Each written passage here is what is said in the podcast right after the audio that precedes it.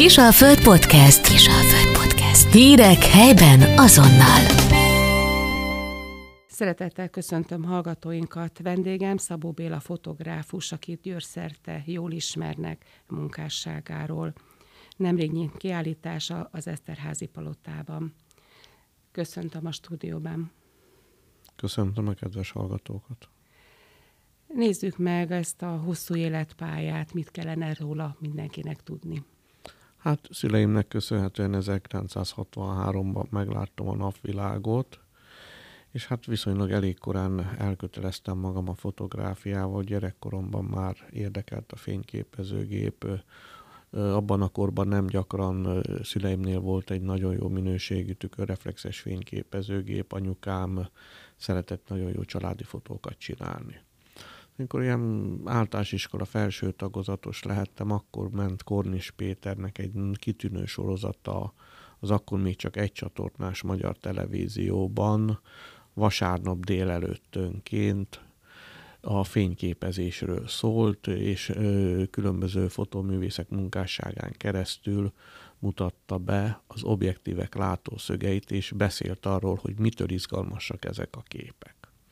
Szóval amikor bekerültem középiskolába, ott kitűnő tanáraim voltak, dr. Alexai Zoltán, a kitűnő természetfotós, aztán Lőrinc László tanár úr, akit amatőr filmes fényképész volt, és nagyon sokat tanultunk kémia és kémia tanár létére a művészetekről. És hát ott volt a híres első győrzi szabadon választott polgármestere, akinek gyönyörű szép kortárs képzőművészeti gyűjteménye volt, és mi elmentünk oda látogatóba, és én itt köteleztem el magam kortárs művészettel, mert fantasztikus volt, hogy ott a hatalmas lakásba ott volt a kortárs magyar művészet a falakon és a mennyezeten is, mert már máshol nem fért el a gyűjtemény, aztán, mikor a tanítóképzőt befejeztem, ott Gócán Karcsi bácsi egyengedte a munkámat, tehát mikor meglátta, hogy érdekel a fotográfia, kaptam tőle egy laborkulcsot, és azt mondta majd, ha befejezted a főiskolát, ne felejtsd el visszaadni.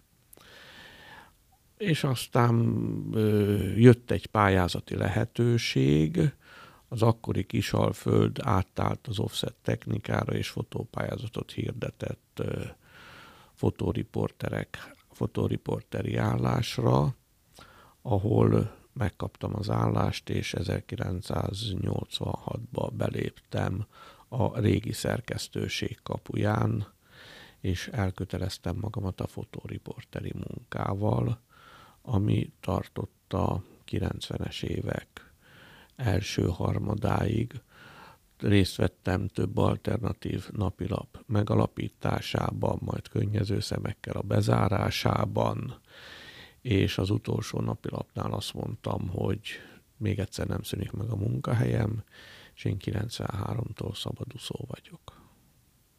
Milyen témák érdeklik a fotózás területén? Ö, én azt gondolom, hogy egy fotográfust minden érdekel végül is a világ az körülöttünk van, igyekszünk mindent megörökíteni, mert azt gondolom, hogy a fotográfusnak kötelessége a korát megörökíteni és az utódaira hagyni, hát gondoljunk arra, hogy milyen érdeklődéssel nézzük a régi fotósoknak a képeit, szóljanak akár a városról, vagy a piacról, vagy egy-egy élet pillanatáról, de nekem is vannak kedvenc témáim. Engem két dolog ragadott meg nagyon a kultúra, teljes szegmensében, és ettől nagyon ter- messzálló a természet, tehát én a állatfotózással, madárfotózással foglalkozó kollégákat nagyon tisztelem, de én inkább üldögelek néhány órát egy jó tájképér, mint a lesben, tehát én a tájfényképezésnek a válfaját művelem, a kultúrából pedig igazából mindenevő vagyok, Hát ugye ez a legjobban fizetett piaci szegmens, tehát az embernek sikerült kiválasztani azt a piaci szegmest, amit ugye Magyarországon azért rendesen megbecsülnek, de én azt gondolom, hogy így az érdeklődési körömnek megfelelő területen dolgozhatok, és szép munkákat volt lehetőségem csinálni. Milyen területeken dolgozott?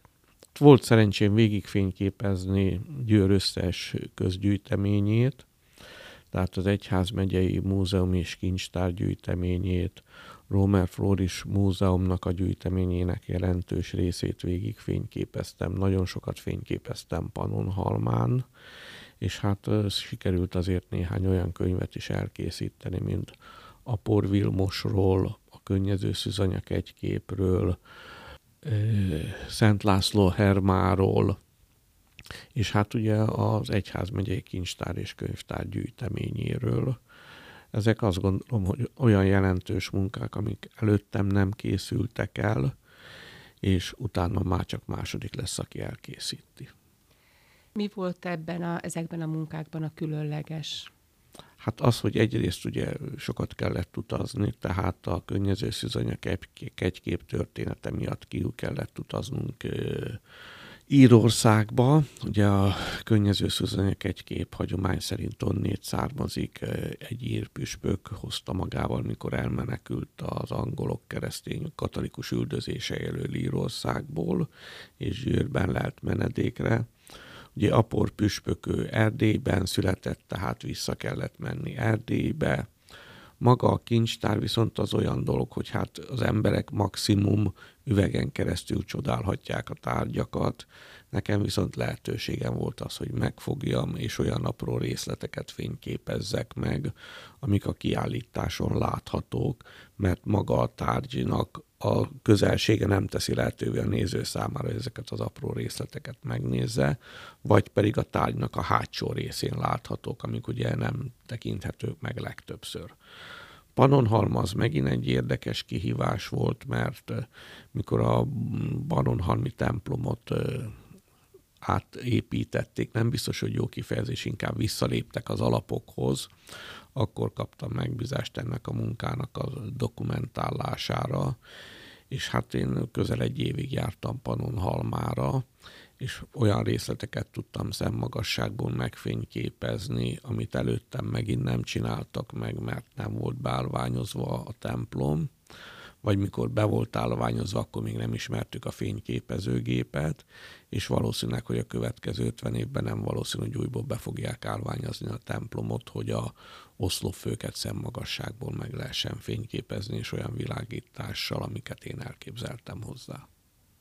Akkor mondhatjuk, hogy ezek ilyenkor dokumentumok tulajdonképpen? Én azt gondolom mindenféleképpen, mivel ezek egy adott kornak a lenyomatai, és azt gondolom egy nagyon nagy kordokumentum lett két évvel ezelőtt megjelent Győri képes könyv, ami egy két és fél kilós kis könnyedkönyvnek könyv lett a végeredménye, ahol Győr összes köztéri alkotása, képzőművészeti alkotása végig lett fényképezve, nem csak dokumentációs célral, hanem azzal a célral is, hogy megmutassuk a várost milyen szép, és talán ez az első fotóalbum, ami nem csak Győr belvárosával foglalkozik, hanem a idézőjelbe vett peremkerületeket is bemutatja az ott lévő alkotásokat, és az albumnak egy nagyon nagy előnye lett, hogy ezekről a területekről légi fotók is láthatók, tehát az emberek egy kicsit megismerhetik Győrt, ami szerintem egy csodálatosan szép város,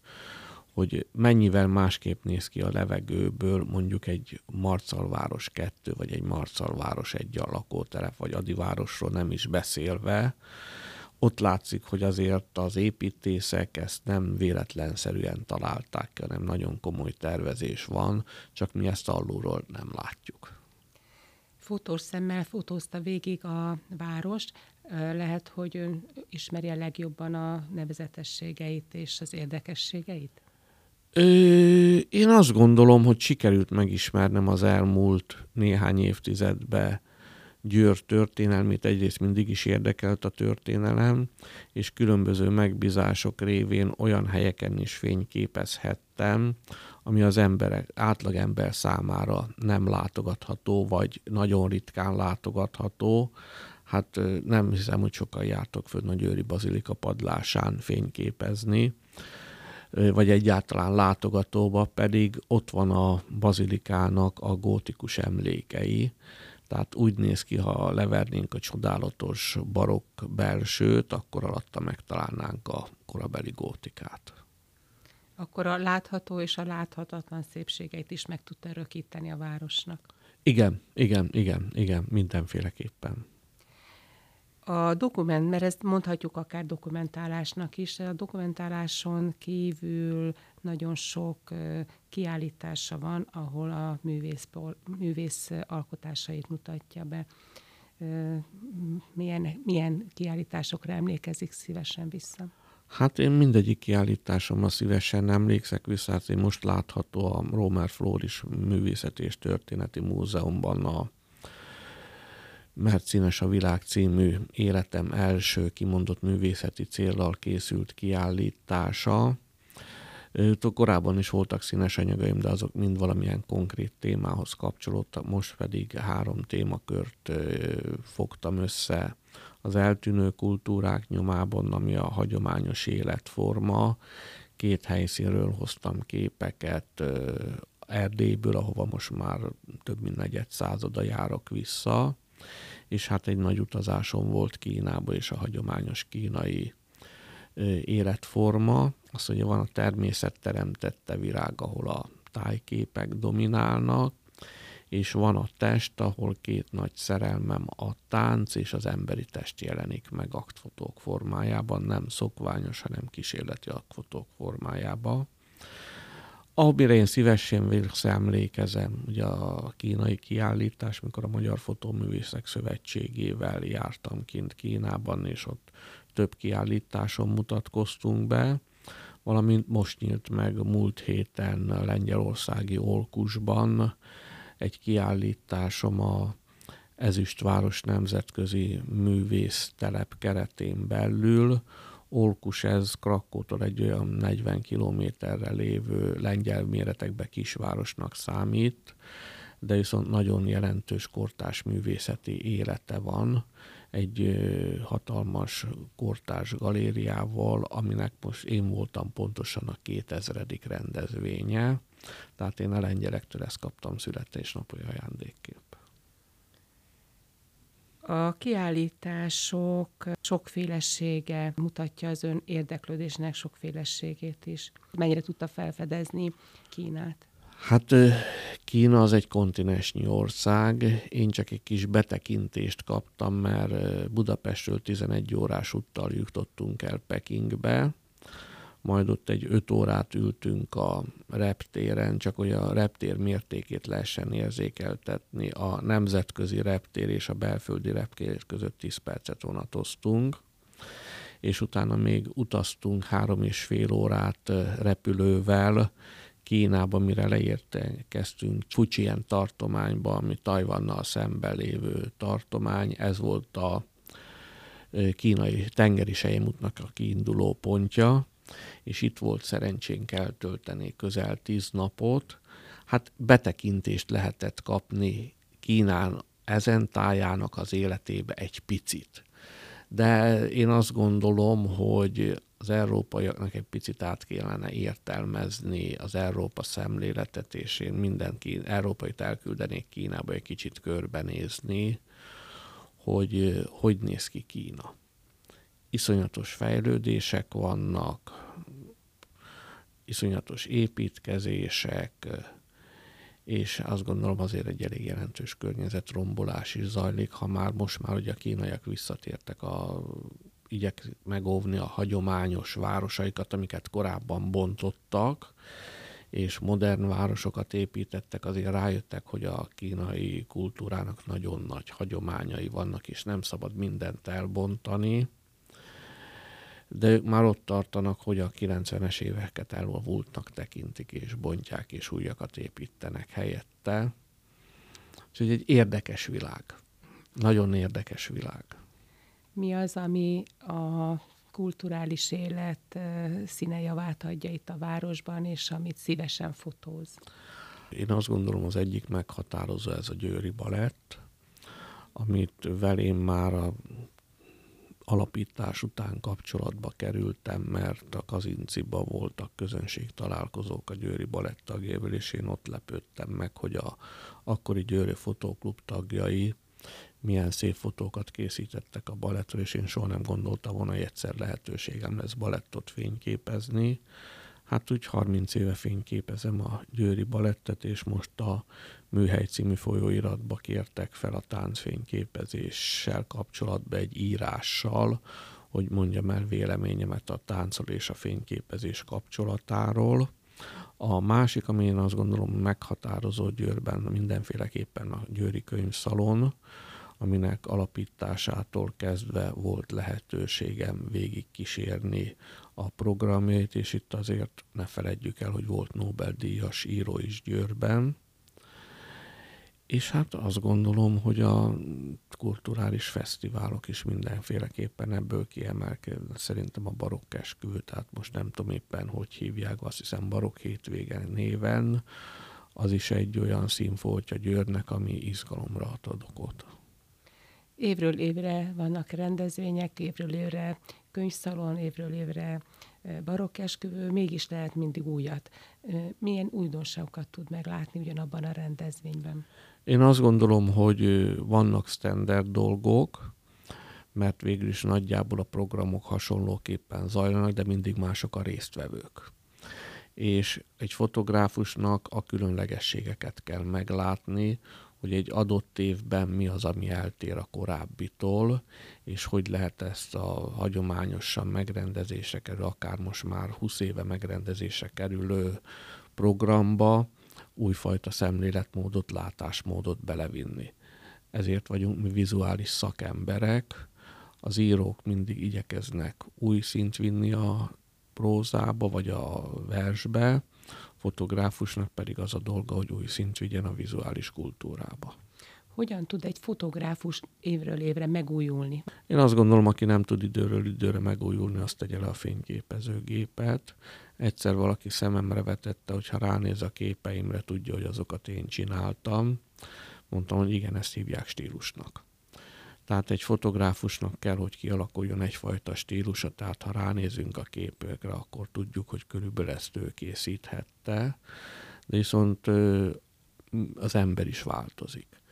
Tehát ha belegondolok abba, hogy 40 évvel ezelőtt milyen képeket készítettem, meg most milyen képeket készítek, én azt gondolom a látásmód az, az közel azonos, viszont azért a megfogalmazás nagyon sokat változott.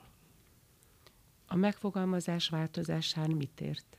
Hát a képi megjelenítés, tehát a végeredményt, hogy egy képnek milyen lesz a világítása, a kompozíciós megoldása, és milyen témát választunk hozzá az elmúlt 40 évben, de akár az elmúlt 20 évben is nagyon nagy technikai fejlődésen ment át a fotográfia is, hiszen egész más gépekkel, egész más technikával fotóznak. Mennyiben befolyásolja ez a szakemberek vagy művészek munkáját?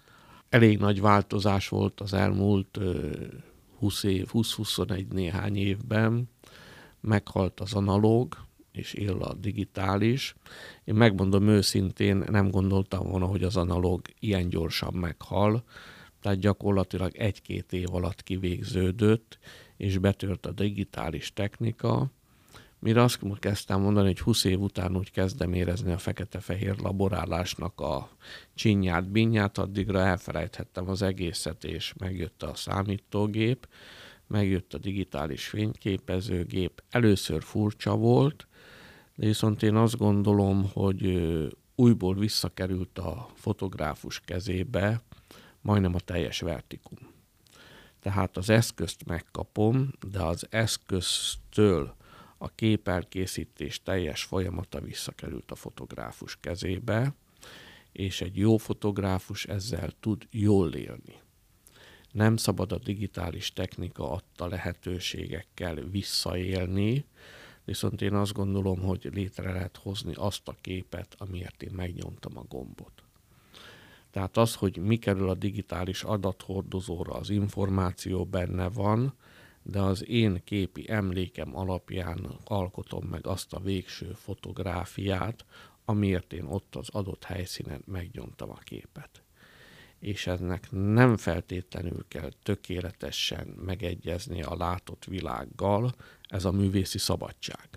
Megint más az, hogyha én egy dokumentarista képet csinálok, tehát ott, ha ott van a szemét a földön, ott kell hagyni a szemetet a földön, mert különben már belenyúltam utólag az adott pillanatba, vagy mielőtt megnyom a fényképezőgépet, vegyem el onnét, gombját, vegyem el onnét a szemetet. Nehezebb vagy könnyebb ebben a techni- ezzel a technikával dolgozni, alkotni? Én azt mondom, inkább más.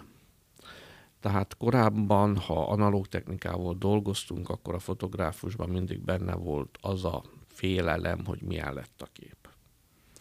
Tehát be kellett menni a laborba, előhívni az nyersanyagot és megnézni, hogy milyen. Volt lehetőség próbafelvételeket készíteni, mert azért használtunk rögtön nyersanyagot, a polaroidot, amivel meg tudtuk nézni adott pillanatban, hogy hogy fog kinézni a kép, de az egy másik nyersanyag volt, tehát nem az, amire én konkrétan fényképeztem.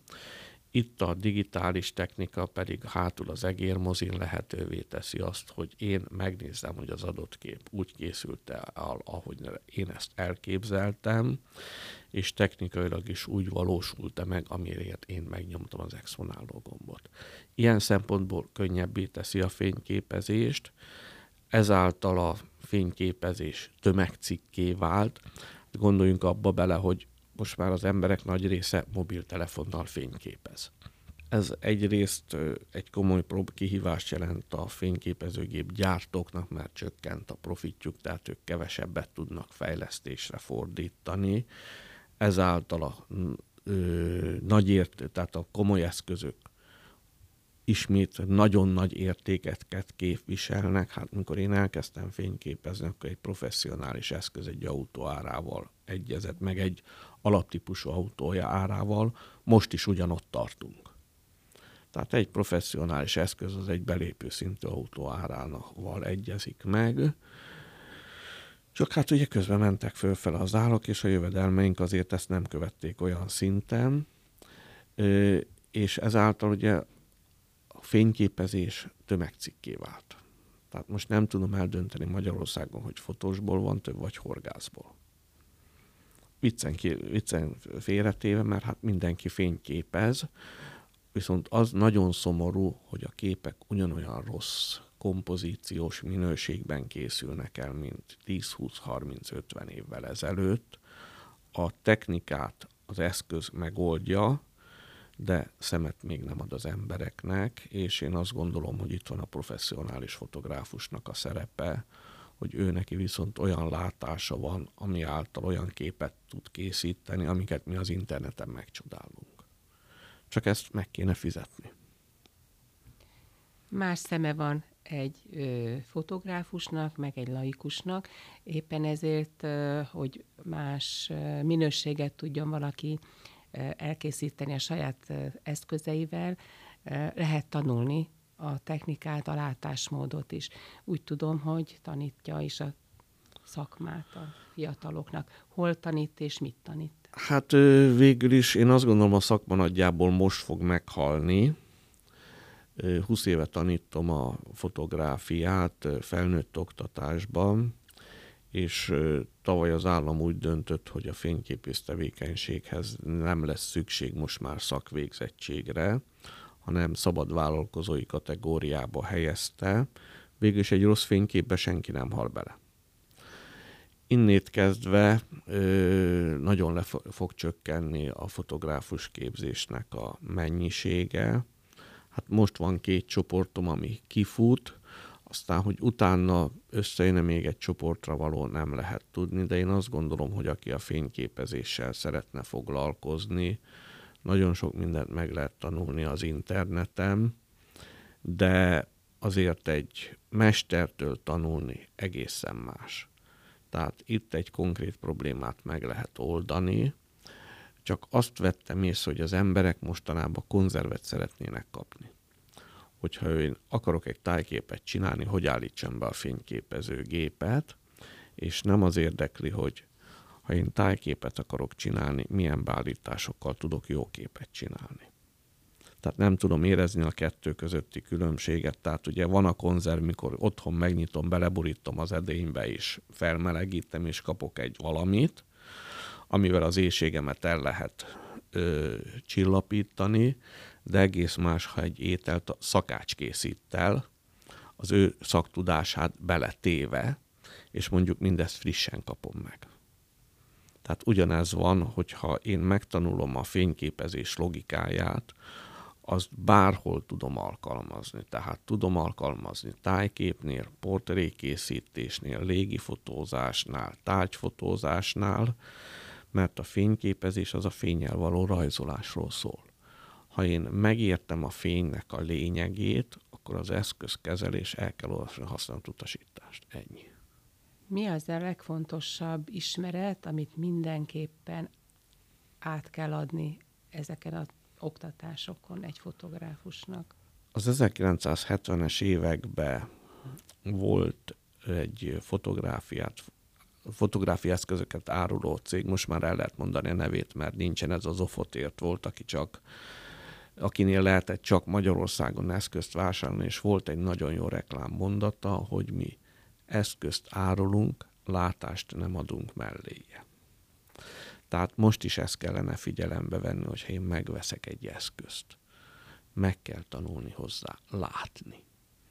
A látás nevelhető, és nekem az a véleményem, hogy a magyar iskola rendszer sikeresen ki is neveli a gyerekekből a meglévő látást, a oktatáson keresztül, mert minden óvodásnak gyönyörű rajzai vannak, és érdekes módon az emberek nagy része nem szeret rajzolni, mert befejezeti az iskolát, mert a képzés nem a kreativitást erősíti, hanem bizonyos sztenderdeket akarunk a gyerekekkel megtanultatni. Szükség van ezekre is de viszont sokkal több kreativitást lehetne, és én azt gondolom, hogy középiskola, általános iskola felső tagozatban már nem csak rajzoltatni kellene a gyereket, hanem igen, a digitális eszközökkel megtanulni, láttatni. Tehát, hogy mitől tud egy jó képet készíteni mobiltelefonnal, hogy tud egy jó kis rövid filmet összeállítani mobiltelefonnal. Végülis ebben a korban élünk. De hát az oktatásunk nem ebbe az irányba halad. És én azt gondolom, hogy egész más vizuális kultúránk lenne, hogyha megnézzük a magyar reklámokat, nagyon pocsékok. Pedig a világban brutálisan jó reklámfilmeket lehet látni. Mert hát pocsék a vizuális kultúránk és itt kellene én azt gondolom egy nagy lépést előre lépni, és itt fontos az, hogy akik eljönnek fotográfus képzésre, ők az oktatásnál, én igyekszem számukra átadni egy vizuális kultúrát is, hogy nem csak a kép létezik, hanem el kell menni múzeumba, és megnézni az elődöket, hogy hogy helyezték el a fényeket a festményeken, meg meg kell nézni a koltás alkotásokat is mert ez is hozzátartozik a vizuális kultúránkhoz. Ez egy sokkal szélesebb körű oktatás, mint hogy megtanítok egy technikát, és nyilván a látásmód, amit, amiről beszélt, az a legfontosabb, hogy hogyan látja a világot valaki. Ezt hogy lehet megtanítani, ezt a látásmódot? Hát majmot is meg lehet tanítani fényképezni, és csinálhat is véletlenszerűen jó alkotást, én azt gondolom, hogy ehhez szükség van az alanynak az érdeklődésére. Tehát aki fényképezést jön tanulni, az valamilyen formában már a vizuális kultúrával megismerkedett. Vett fényképezőgépet, és rájött, hogy hát nem elég az, ha elolvasom a használati utasítást, mert egyrészt nem értem a használati utasításnak egy részét, mert nincs meg hozzá az az alapismeretem, amivel ezt értelmezni tudnám, Másodszor meg rájön, hogy hát hiába gyomkodom a gombot, nem lesznek jó képek. Tehát itt jön az oktatásnak a szerepe, hogy ezeket a meglévő információ morzsákat úgy összeterelni, hogy egy, ez egy egységes egész rendszerré álljon össze. Minden szakmának megvannak a szakmai fortéjai. Festősebb lehet az, aki nem ismeri a színkeverést színvak lehet festő, mert végül is megtanulhatja, hogy ez a tégely ilyen festék, de ott is meg kell tanulni az alapokat. Tehát a fotográfiában is meg kell tanulni a technikai alapokat, meg kell ismerni ezeknek az összefüggéseit, és utána lehet már magára az alkotásra koncentrálni. Mint Hergé Kertjé Bresson mondta, az időállított tárcsa matatásával nem lehet az alkotó pillanatot agyonvágni. Tehát ha én nem tudom az eszközt kezelni, akkor én az eszköz kezelésre fogom a figyelmemet koncentrálni, ahelyett, hogy arra figyelnék, amit én a keresőben látok, és mikor megjelenik a tökéletes harmónia, amit ugye még sehol nem írtak le, hogy micsoda, ezt nekem kell érezni a tanulás útján, akkor nyomjam meg az exponáló gombot, és abból lehet egy jó kép. És ez a jó kép készítésének az alapja. Türelem, kitartás, alázat. Türelem kell egy jó kép elkészítéséhez, tehát ez nem azt jelenti, hogy oda rohanok, és akkor megnyom az exponáló gombot. Ugye azt mondják, hogy a fotográfia pillanat művészete. Igen, maga az exponálás elkészítése az egy század másodperc, vagy annak rövidebb része. De mire a fejemben megszületik a gondolat, hogy én azt a képet el akarom készíteni. Nekem van olyan képem, ami tíz év után született meg, mert addig járt a fejembe, és akkor érett meg az a pillanat, mikor én tudtam, hogy most kell megnyomni az exponáló gombot, mert ez az, amiért én tíz éven keresztül gondolkodtam, helyszínt kerestem, és most megvan. A másik az alázat, a szakma iránti alázat. Tehát meg kell ismerni az elődök munkáit, mert én arra tudok építkezni. Tehát a világon már majdnem mindent megfényképeztek. Nem másolni kell, hanem ötleteket, mai szóval inspirációt meríteni az elődök munkáiból, hogy igen, ők így csinálták, ez nekem tetszik, de akkor én ezt hogy tudom a saját látásmódom keresztül a mai kornak megfelelően azt az időpillanatot megragadni. És a harmadik pedig a kitartás, hogy ez egy életforma. Tehát én azt mondom, hogy számomra a fotográfia az egy életforma, tehát én nem úgy fényképezek, hogy 8-tól 4-ig, nem lehet, hogy 8-tól délig éppen otthon nézelődök, mert délután háromkor van egy feladat, amit meg kell oldani, vagy akkor jön meg az a fény, amire én már vártam, és van értelme megnyomni az exponáló gombot. Most kint Lengyelországba, Olkus mellett van egy homokpuszta, én úgy hívom, hogy nagy homokozó, ez egy 30-valahány négyzetkilométeres homokpuszta, és én kimentem, gyönyörű felhők voltak, csináltam néhány képet, aztán öt napig csak esett az eső, és akkor úgy döntöttem, amikor abba hagyta az eső, én visszamegyek, mert még nekem hiányzik az, amit én szerettem volna, egy jó viharos ég. Visszamentem, és nekem meglett az a viharos ég, amit én elképzeltem. Na, ez a kitartás. Tehát, hogy nem ott voltam és megcsináltam a képet. Lehet, hogy ugyanarra a helyszínre vissza kell menni többször, hogy az az időpillanat, az a fényhatás, amit én elképzelek az adott helyszínhez, az meglegyen. Hoztam ide ajándékba egy Radnóti könyvet, én ezen két évig dolgoztam. Mert azt gondoltam, hogy ha már Radnóti, akkor legyen olyan, ami Radnótihoz méltó vagy van egy bakonykönyve, mikor Romer Floris nyomában végigjártam 150 évvel később a bakonyt. Nekem az egy négy éves munka volt, mert ezt végig lehetett volna járni egy hét alatt is, vagy két hét alatt, de én azt gondolom, hogy egy helyszín az minden időszakban más-más hangulatot sugároz. És manapság a legnehezebb az a tél. Vagy hó, vagy nincs hó. És nagyjából nincs hó. És azért mégis bennünk azért, hogy a tél az havas. Karácsony az havas, és ha belegondolunk, az egy gyerekkorunkban se volt havas a karácsony. De hát ugye ezt törököltük az őseinktől, hogy a karácsony az hóval szép. Most ez van. Nagyon szépen köszönöm a beszélgetést, úgy gondolom, hogy nagyon sok mindent tanultunk a látásmódról, a fotográfiához való tulajdonságról, képességekről. További jó munkát kívánok! Nagyon szépen köszönöm. Köszönöm szépen. Kisalföld Podcast. Hírek helyben azonnal.